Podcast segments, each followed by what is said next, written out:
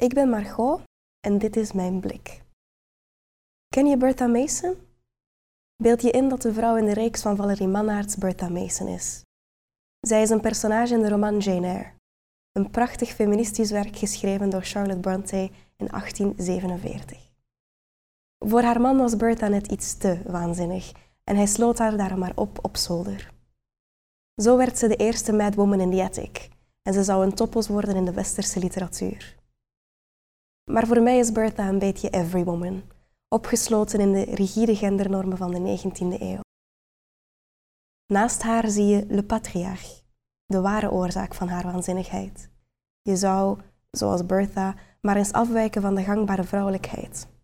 In de middeleeuwen belandde je als heks op de brandstapel, in de 19e eeuw werd je als hysterisch bestempeld en moest je maar je baarmoeder afstaan. Toch, er is verandering op gang. Vandaag wordt de balans gelukkig meer en meer in evenwicht getrokken.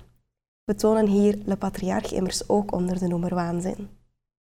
Ik moet denken aan Alice in Wonderland, een van mijn favoriete kinderboeken. Een glimlachende kolderkat zegt: We zijn allemaal gek hier. We're all mad here. Inderdaad, dit geldt niet alleen voor Wonderland. Zijn we niet allemaal een beetje Bertha Mason?